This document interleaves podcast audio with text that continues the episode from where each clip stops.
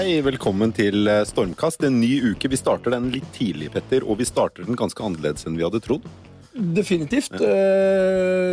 vi ble litt overraska på morgenkvisten. Jeg fikk jo eh, kaviarskiva og kaffen i halsen. Jeg skjønte at eh, det kom til å bli litt færre her enn det vi hadde planlagt. Ja, fordi Berit Svendsen er jo eh, med i Stormkaststallen, som vi liker å kalle den, og skulle ha vært der i dag for å snakke om blant annet uroligheten i Telenor og ø, om ledelse. Eh, Men uh, Vi har jo aldri hatt bedre timing. Nei, det, vi trodde jo ballen lå på straffemerket. Keeperen var skada ute på sidelinjen, og vi kunne gå ballen i mål. Men eh, nei da. Uh, Berit Svendsen uh, på morgenkvisten i dag Det ble kjent at hun slutter som konserndirektør for Telenor Skandinavia. Så vi må stunte det litt, men dette kommer til å bli kanonbra. Og heldigvis så har vi jo en fantastisk andre gjest. Absolutt. Altså, Morten Hansen. Eh, Vi er omtrent like gamle. Eh, Kanskje en av verdens fremste på det vi skal diskutere i dag. Ja. Så aldri så gærent, så er det godt for noe. Berit Svendsen sitter hjemme og drikker kaffe og med beina på bordet og sikkert med en bra pensjon allerede. Vi skal kose oss og spekulere i alt som har skjedd. Absolutt. Ja. Og her, vi har jo ingen vi skal rapportere til. Eh, nei. Og ikke får vi sparken. Nå kjører vi, Petter. Nå kjører vi. Hei, Morten Hansen. Velkommen. Jo, takk for invitasjonen. Ja, Utrolig fint å ha deg her. Du og jeg har jo møttes eh, tidligere. Vi har faktisk sittet på toppen av et eh, hotell i San Francisco, hvor du til daglig jobber. Ja, det gjorde vi. Det var toppen av Hyatt. Beste Hyatt. utsikten i San Francisco. Et, et eh, fantastisk hotell, ikke sant, Petter? Har du vært der? Jeg har faktisk vært der, og jeg er enig. Det er et fantastisk hotell. Ja, Eh, og jeg er også enig i at eh, det finnes bedre hotell i San Francisco, men utsiktsmessig så er det en klar vinner. Helt ko-ko.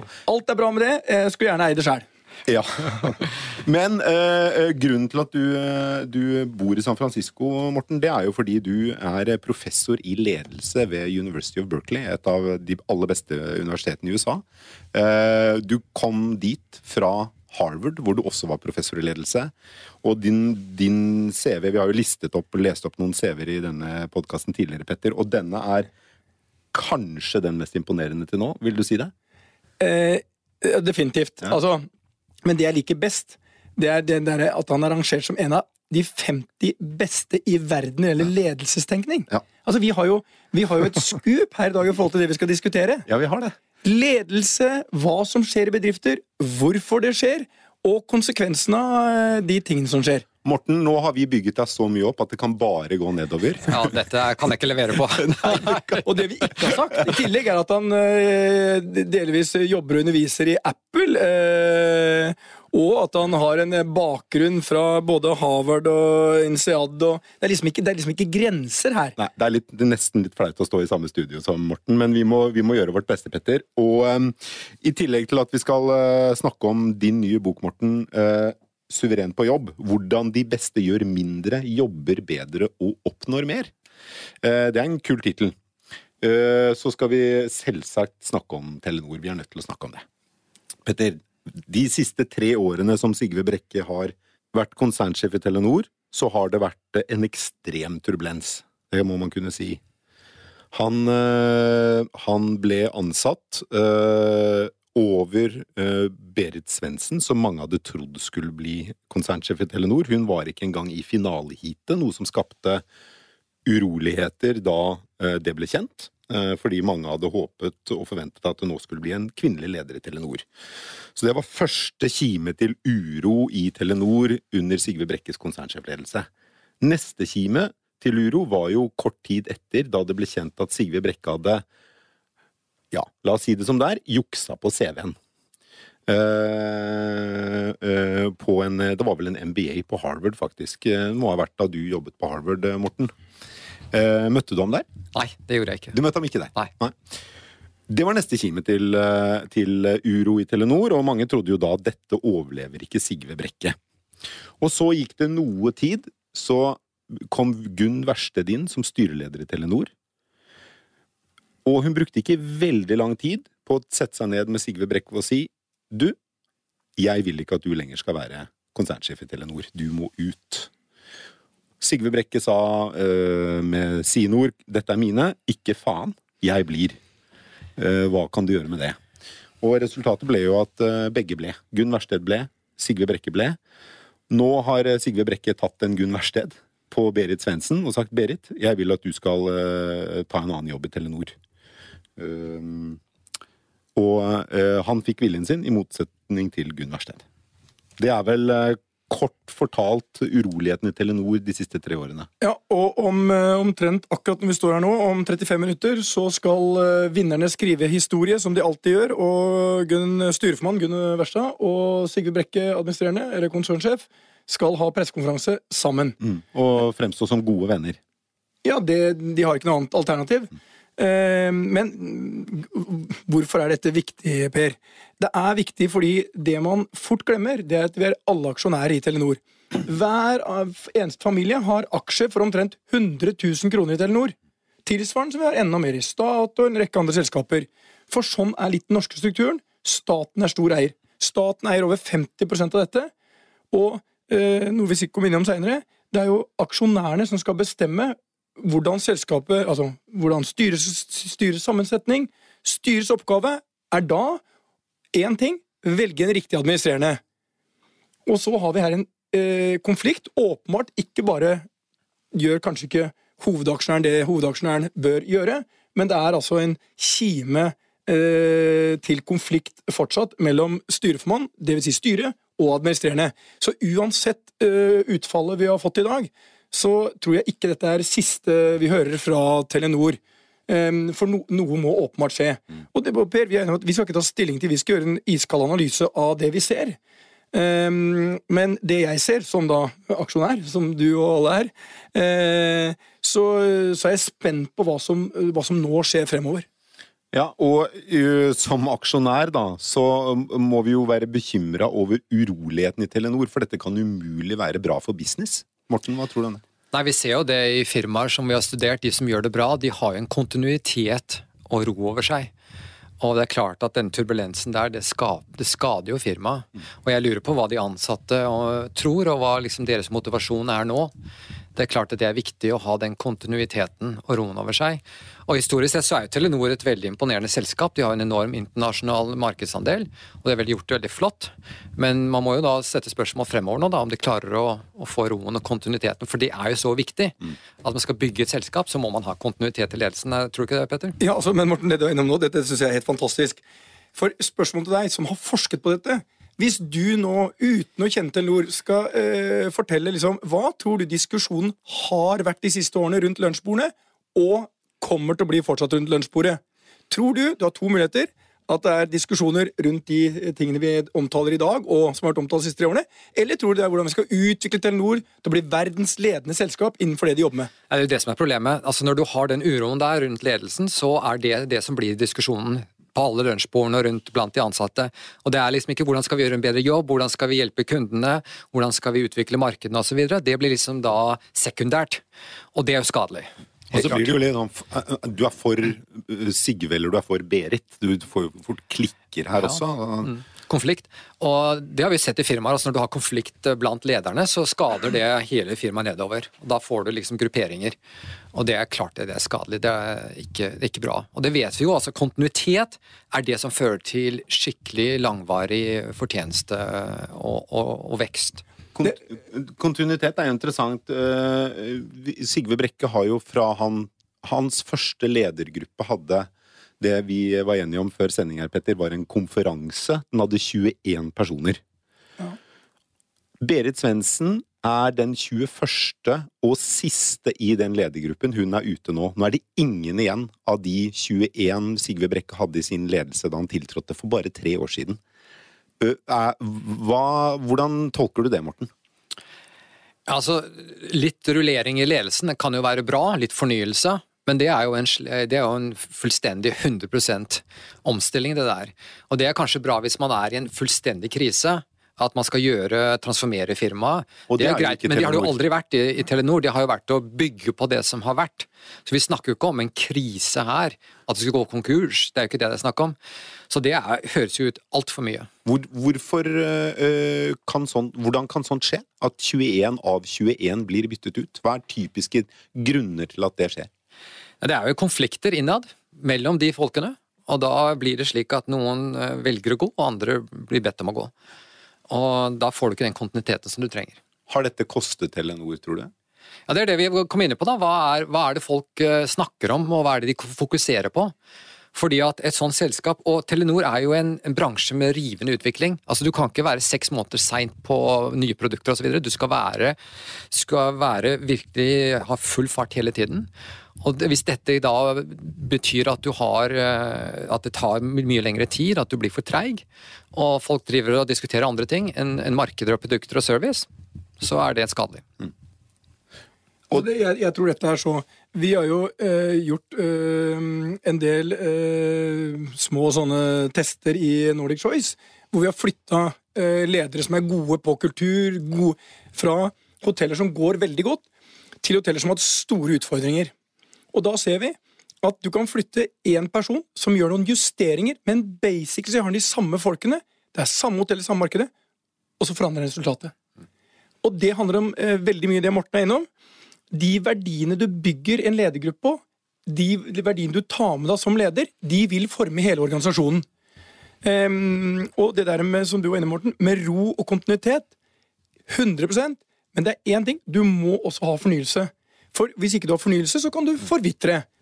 Um, men jeg ser for vårt vedkommende, jeg har jobba, jeg er da styreformann i selskapet. Jeg er litt av Gunn Wærstad i Nordic Choice, og så er Torgeir Silseth administrerende. Det som har vært vår styrke, og som det Torgeir han savnet mest når jeg var borte, når Gunnar var syk, det var den uformelle praten på kontoret med kaffen om morgenen om både faglige ting og andre ting. Og det er én ting alle i Nordic Choice vet. De vet nøyaktig hva vi skal fokusere på. Det er ikke mye prat om usikkerhet og fokuset vårt.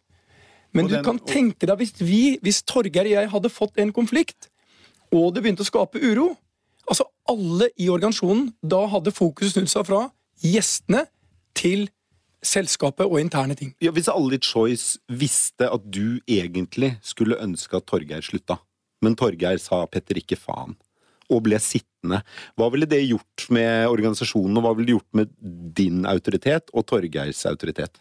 Nei, men det er jo øh, det, er jo en helt, altså, det ville vært en helt uholdbar situasjon.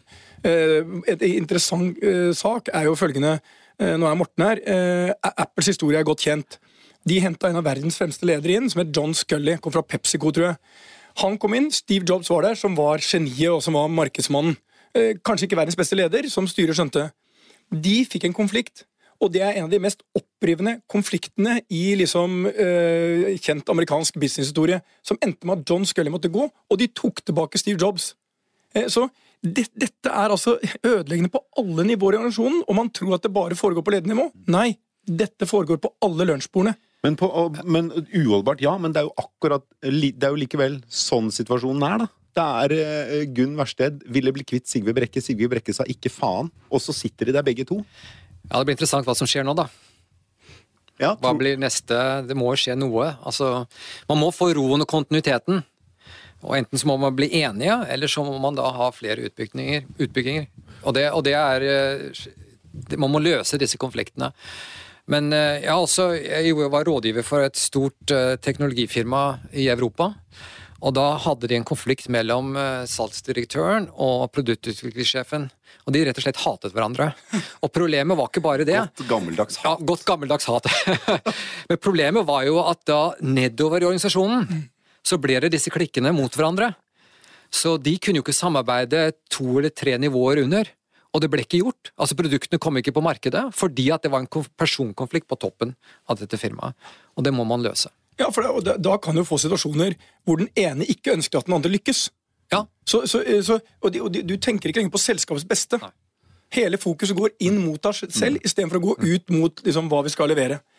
Så øh, Tilliten forsvinner, og langsiktigheten er borte. Ja, altså, er, altså spørsmålet er liksom sånn øh, Styret og ledelsen øh, tror vi som er rundt dette bordet, liksom, at alt er bare såre vel, som de kommer til å prate om nå om 15 minutter. kommer til å begynne å prate om at nå er alt bra. Det, det er vanskelig. Det står jo ikke til trones.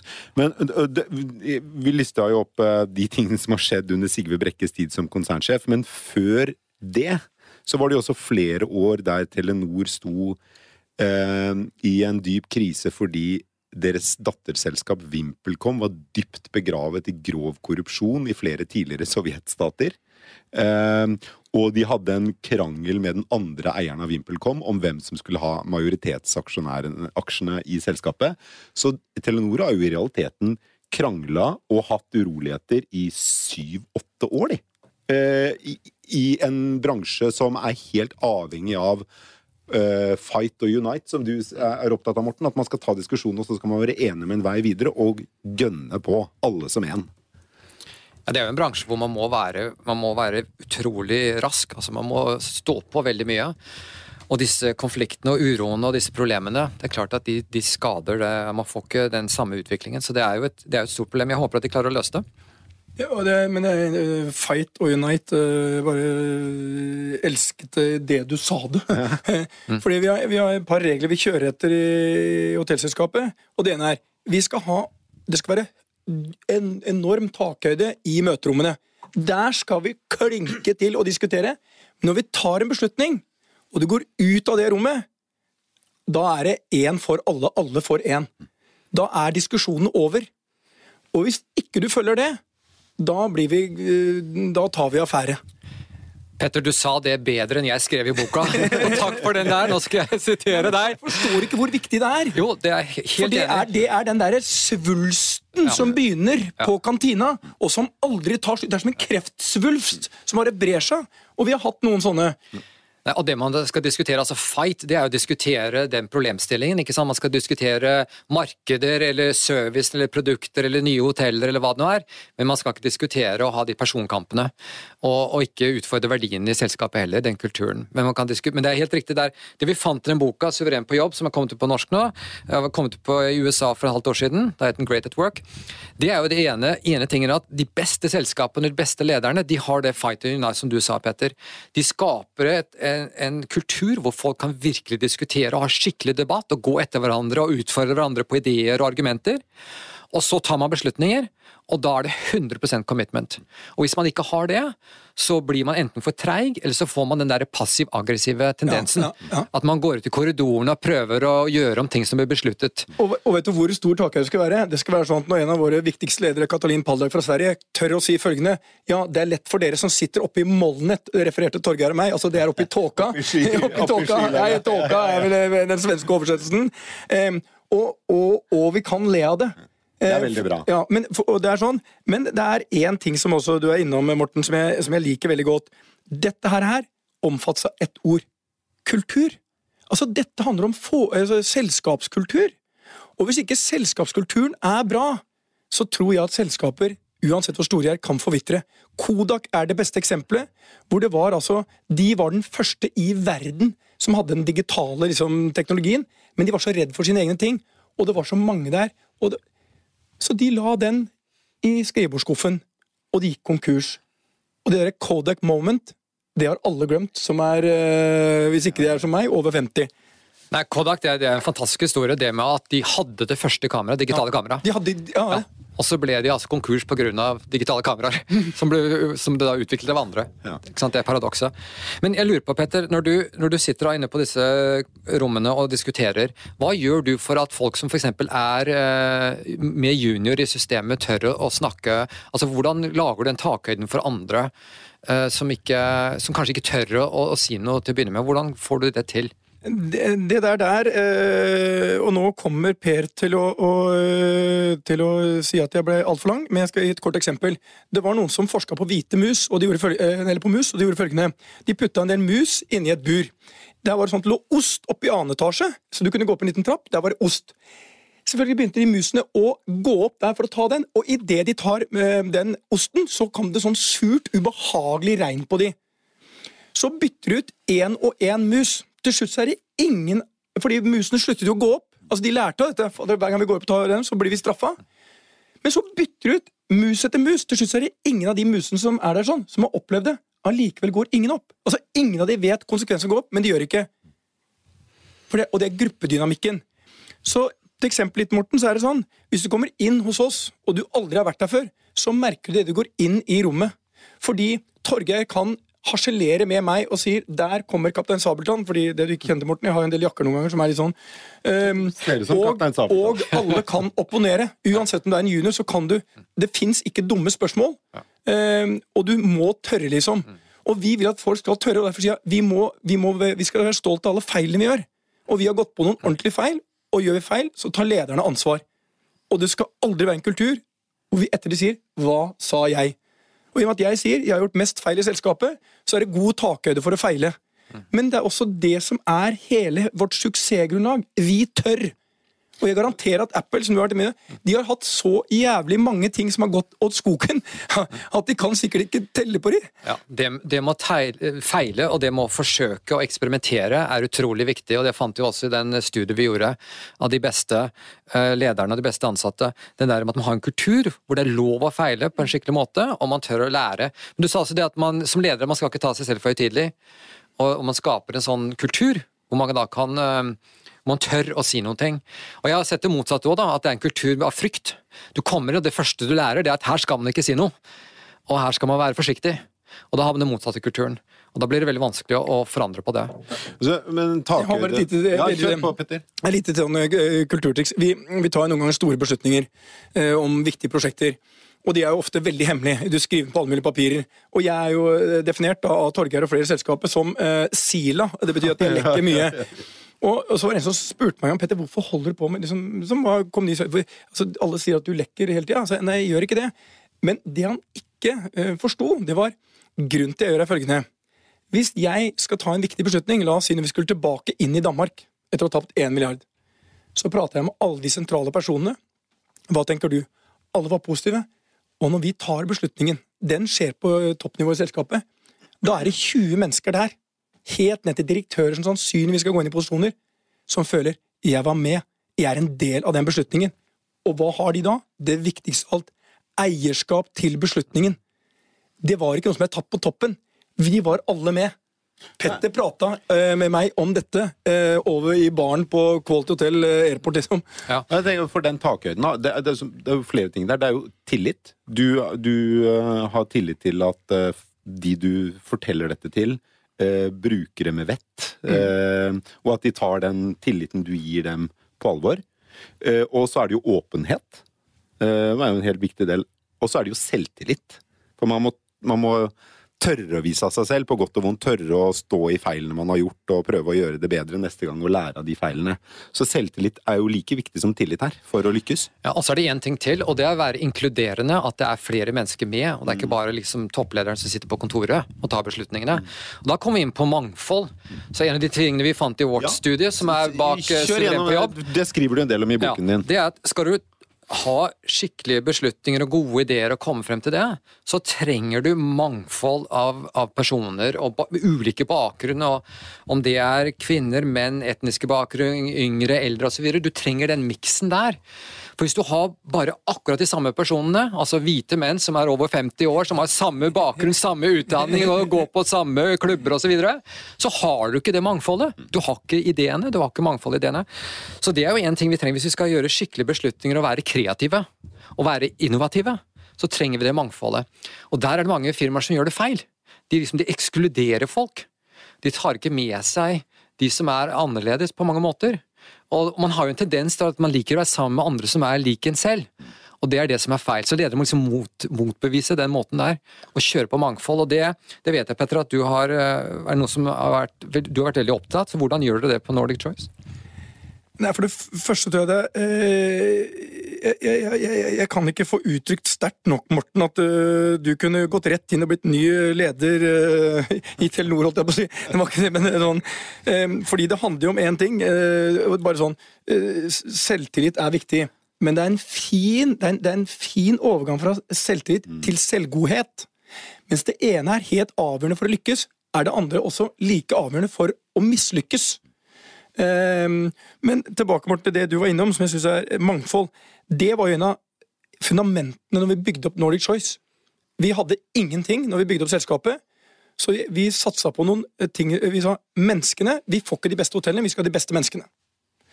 Og, så, og vi må betale mest, så vi må også være flinkest på å drive. Um, og det andre vi sa, vi skal ha et mangfold som ingen andre har. og vi skal, vi skal, vi skal dyrke annerledeshet. Vi skal ha alle de der der Eh, og Derfor var det naturlig for oss liksom, eh, hele vårt engasjement rundt homser og lesber og transer, rundt eh, de som kommer inn som da kanskje ikke er etnisk skandinaver, og alt det. Selv det å ikke kunne språket, selv alle de tingene Vi sa det betyr ingenting. Hos oss kan du likevel få den første rad i CV-en din. Og vi begynte nå å ta inn folk som har kanskje øh, vært uheldige havna i fengsel, eller som har fysisk eller syke, eller veldig mye fysisk sånn øh, Vi hadde en kokk som var øh, døv og stum, eh, og tenker kan han være kokk? Hvor alt det, vet du hva? Altså, det, Vi måler sånn tilfredsstillelsen ved, ved jobb, liksom. Og det viser at når han kom inn, så var han med og økte arbeidsgleden. Mm -hmm.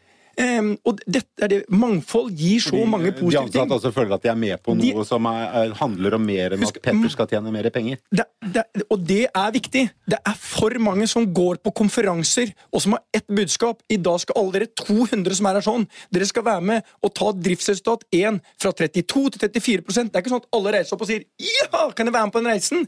Når jeg står og holder min viktigste tale, snakker jeg ikke om ett tall. Jeg snakker om mangfold, annerledeshet, bringe fram historier for mennesker som har gjort en helt unik reise i selskapet. Fordi da skal alle se. Ja vel.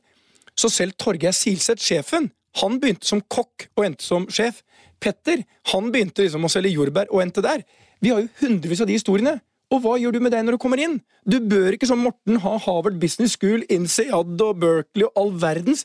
Du kan faktisk komme eh, nesten uten noen ting allikevel gjøre. Ja, for det, det, det, er vel den andre siden av det å ha en Hvis vi tar det over på ledernivå, da. Det ene med å ha en ledelse som har mangfold av ulike kjønn og bakgrunner, er jo at de tar bedre beslutninger hvis det er det mangfoldet. Men en annen er jo vel den som er minst like viktig, den at du sender signalet nedover i organisasjonen at her er vi ikke en seks-sju eh, menn eh, på 55 i dresser som trekker trappa opp etter oss. Her kan hvem som helst lykkes, bare man står på og, og kjemper for laget. Og ja, og, ingen blir motivert uh, ja. av å gjøre meg rikere. Nei, Nei. Nei. nettopp. Det, vi er inne på to veldig viktige ting. Jeg bare si en ting når det gjelder mangfold, som jeg er veldig klar over. og Det er hva den akademiske forskningen viser. Og den viser én ting, og der er det masse forskning. Det er at hvis du har mangfold så i bedriftene så har du eh, mer kreativitet, du har bedre beslutninger og du har bedre resultater. Altså Mangfold fører til bedre resultater, vi må være klar over det. Der er det masse akademisk forskning som viser det. Så Det er det ene. Men det andre er jo at det må være som motiverer mennesker.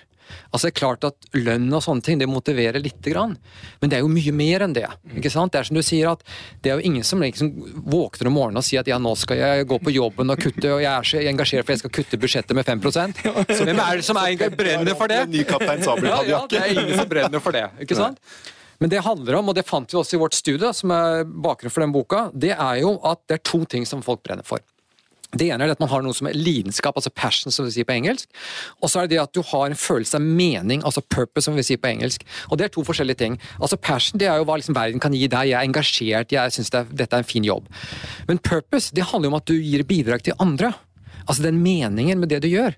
At det er et bidrag, og det har du da når den kokken kommer inn og her føler du at du har laget et bidrag, en kultur hvor du kan være inkluderende. Det er jo et bidrag til andre mennesker. Og de menneskene som føler de to, de har skikkelig motivasjon og engasjement på jobben, og så presterer de bedre. Men, altså, Morten, det der, vi, eh, For tre år siden begynte vi med noe som het eh, Passion-medarbeidere. Altså, vi hadde egne folk ansatt som har én oppgave. De jobber bare med passion. Eh, Hvordan vi, gjør de det, da? Ja? Altså, de går rundt litt sånn hvis jeg, hvis jeg, skulle gjøre det veldig sånn De er litt sånn vekkelsespredikantene som drar rundt på de 192 hotellene og forteller om alt det som ikke handler om tall hva vi har, hvorfor, hvorfor er de tingene er viktige. Og de snakker, om, de snakker om alle de tingene jeg vil de skal snakke om. Kulturen vår, mangfoldet vårt, hvorfor Ali-hjelpen er viktig.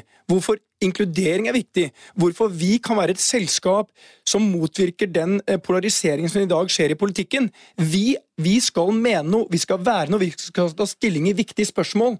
Og de skal snakke om hvorfor er dette viktig for oss. For da blir jobben mer et sted du mottar lønna. Det høres litt Men, slitsomt ut òg. Er det, er det, er. Altså, dette, når du har sånne vekkelsespredikanter som uh, nei, nei. løper fra hotell til hotell, hender det av og til at, man, at dere har ansatte som åh, Gidder du, eller? Kan ikke, kan ikke, du bare gå, gå en annen? Jeg, jeg er opptatt med å få resepsjonen til å funke. Da må du kanskje begynne å jobbe et annet sted. Ja, er det det? Fordi men, det er liksom, du er med oss, eller du er mot oss. Dette handler om én ting. Det handler om glede. Det handler om at du skal uh, komme på jobben, og du skal faktisk synes det er hyggelig å møte kollegaer. Og mye av dette, det er kultur. Og kultur er faktisk en av de få tingene du ikke kan kopiere. Du kan ikke kjøpe det. Du kan ikke bestille det fra Morten eller McKinsey Company eller Boston Consulting Group. Det skapes, og det skapes nedenfra og opp. Men du sånn må du- være engasjert. Det nytter ikke å snakke om åpenhet hvis jeg ikke er åpen. Det nytter ikke å snakke om at man skal være uformell og sånn, hvis ikke jeg er det. Hvis du har 15 karer i mørk dress over 50, som Morten beskriver, med samme utdannelse fra Handelshøyskolen, eh, og så snakker de om at vi skal være annerledes og vi skal ha mangfold. Nei, det har null troverdighet. Troverdighet det er også et enormt viktig ord. Ehm, så, men eh, det er én ting som også er viktig, som jeg har sagt et par ganger. Mangfold. Jeg har sagt nei, jeg gjør ikke dette fordi jeg er snill. Jeg tjener på det. Og når jeg får en bok som Morten har laget, som fordi det er faktisk vitenskapelig begrunnet at vi tjener på det For jeg bare sa jeg har en følelse at vi tjener på det. Men vi måler jo vi, vi Du kan måle alt. Vi måler jo alle disse tingene. På, og det verste er at gjestene merker det. Gjestene sier at det som er mest annerledes med dere, Petter, det er ikke marmor og messing, det er menneskene deres. Hva gjør dere med de? Jo, og så feirer vi. Vi har store leirbål og gigantisk leirbål hvor vi samler alle disse menneskene, og det er én ting. De skal komme hjem der fylt av de eneste tre ordene som betyr noe for meg i selskapet. Energi, mot og masse begeistring og entusiasme. For da skapes det. Hvor mye er skapt, Morten, i et selskap hvor ikke det er entusiasme og begeistring? Nei, det blir, altså, det er jo helt klart, det har jo tallene våre vist. Altså, dette er å bygge en kultur hvor folk har den lidenskapen, de har den passion, og så går de på jobben, og så presterer de bedre. Og så er de der lengre, og så skaper de et miljø for andre mennesker.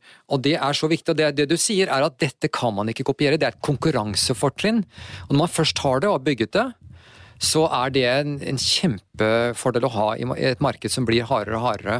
Hvis vi da eh, kan si at Jo sterkere kulturen er, jo viktigere er det jo da at alle er med på den kulturen. Hvis ikke må du på en måte finne på noe annet. Du må, du må, du må slutte å gå til et annet sted.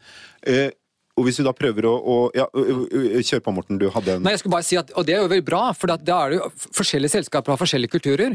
Og da må du velge om den passer for deg. Og hvis den passer for deg, så er det et kjempested. Og hvis den ikke passer, så må du kanskje finne et annet sted å være. Og det er helt greit.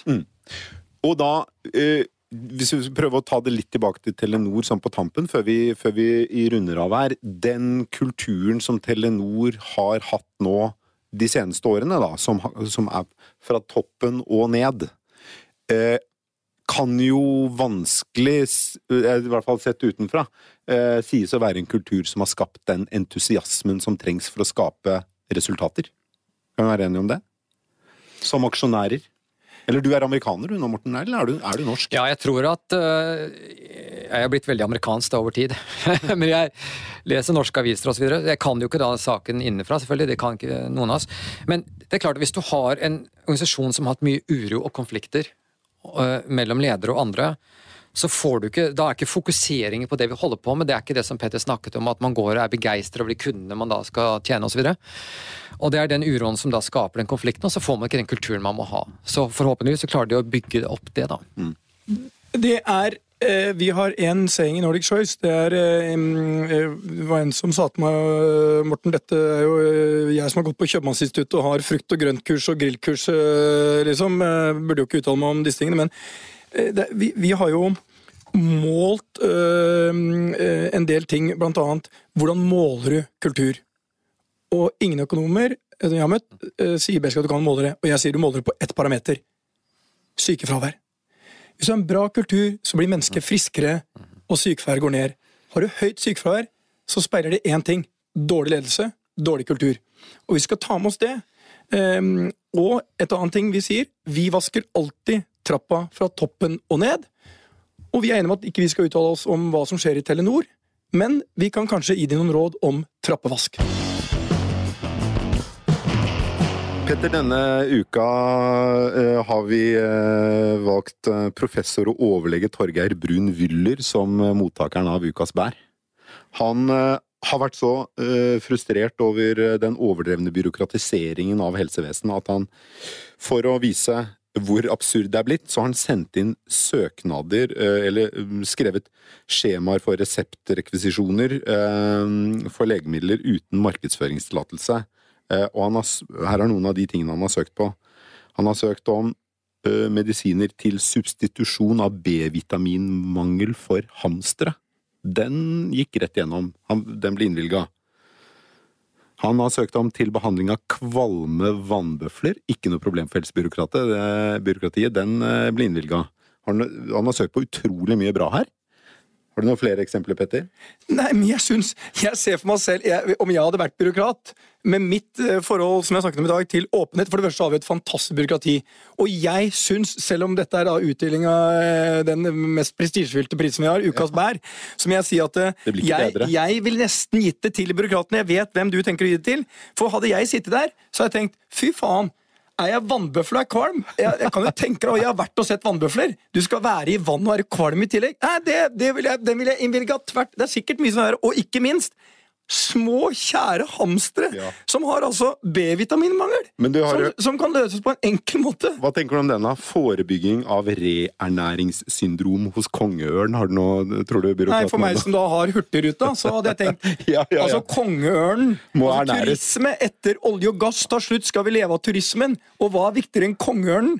Så jeg vil altså, imot, det, vil- vil jeg, det, det kommer obstruksjon. Dette er sånn som det skjer i amerikanske parlament når de skal utnevne nye høyesterettsmedlemmer. Jeg vil da nesten sende den til eh, byråkratene, som faktisk har mot til å hjelpe vannbøfler, hamstere og kongeørner og eh, et stort mangfold. Jeg er sikker på at Gunnar også vil støtte meg i dette. Mens jeg sender til Torgeir Brun Wyller, eller overlegen, som da også hadde eh, Han søkte om medisin for, eller mot, hjerneødem hos rødspetter. Han, om, annet, eh, om ikke annet, ekstremt kreativ i, i søknadene sine. Og, og han har jo utvilsomt be, be, bevist at eh, byråkratiet har noe å gå på i våkenhet når det gjelder å behandle en del av disse skjemaene. Men rødspetten, eh, hamsteren, eh, muldvarpen og flere andre dyr har det nå bedre enn før eh, søknaden ble sendt inn. Ukas bær eh, sendes fra meg, i hvert fall til ham. Eh, vi må takke Morten Hansen for at du har kommet til studio. Eh, kjempebra å ha deg her, Morten. Håper vi ser deg igjen eh, snart. Eh, lykke til med eh, boksalget. Takk for det. Og eh, sende en hilsen til Berit Svendsen, som er, er hjemme et sted. Vi håper å, å se henne her i studio ved en senere anledning. Og så må vi takke Truls Johansen i Perplex for å ha produsert sendingen. Så høres vi igjen neste uke. Det gjør vi.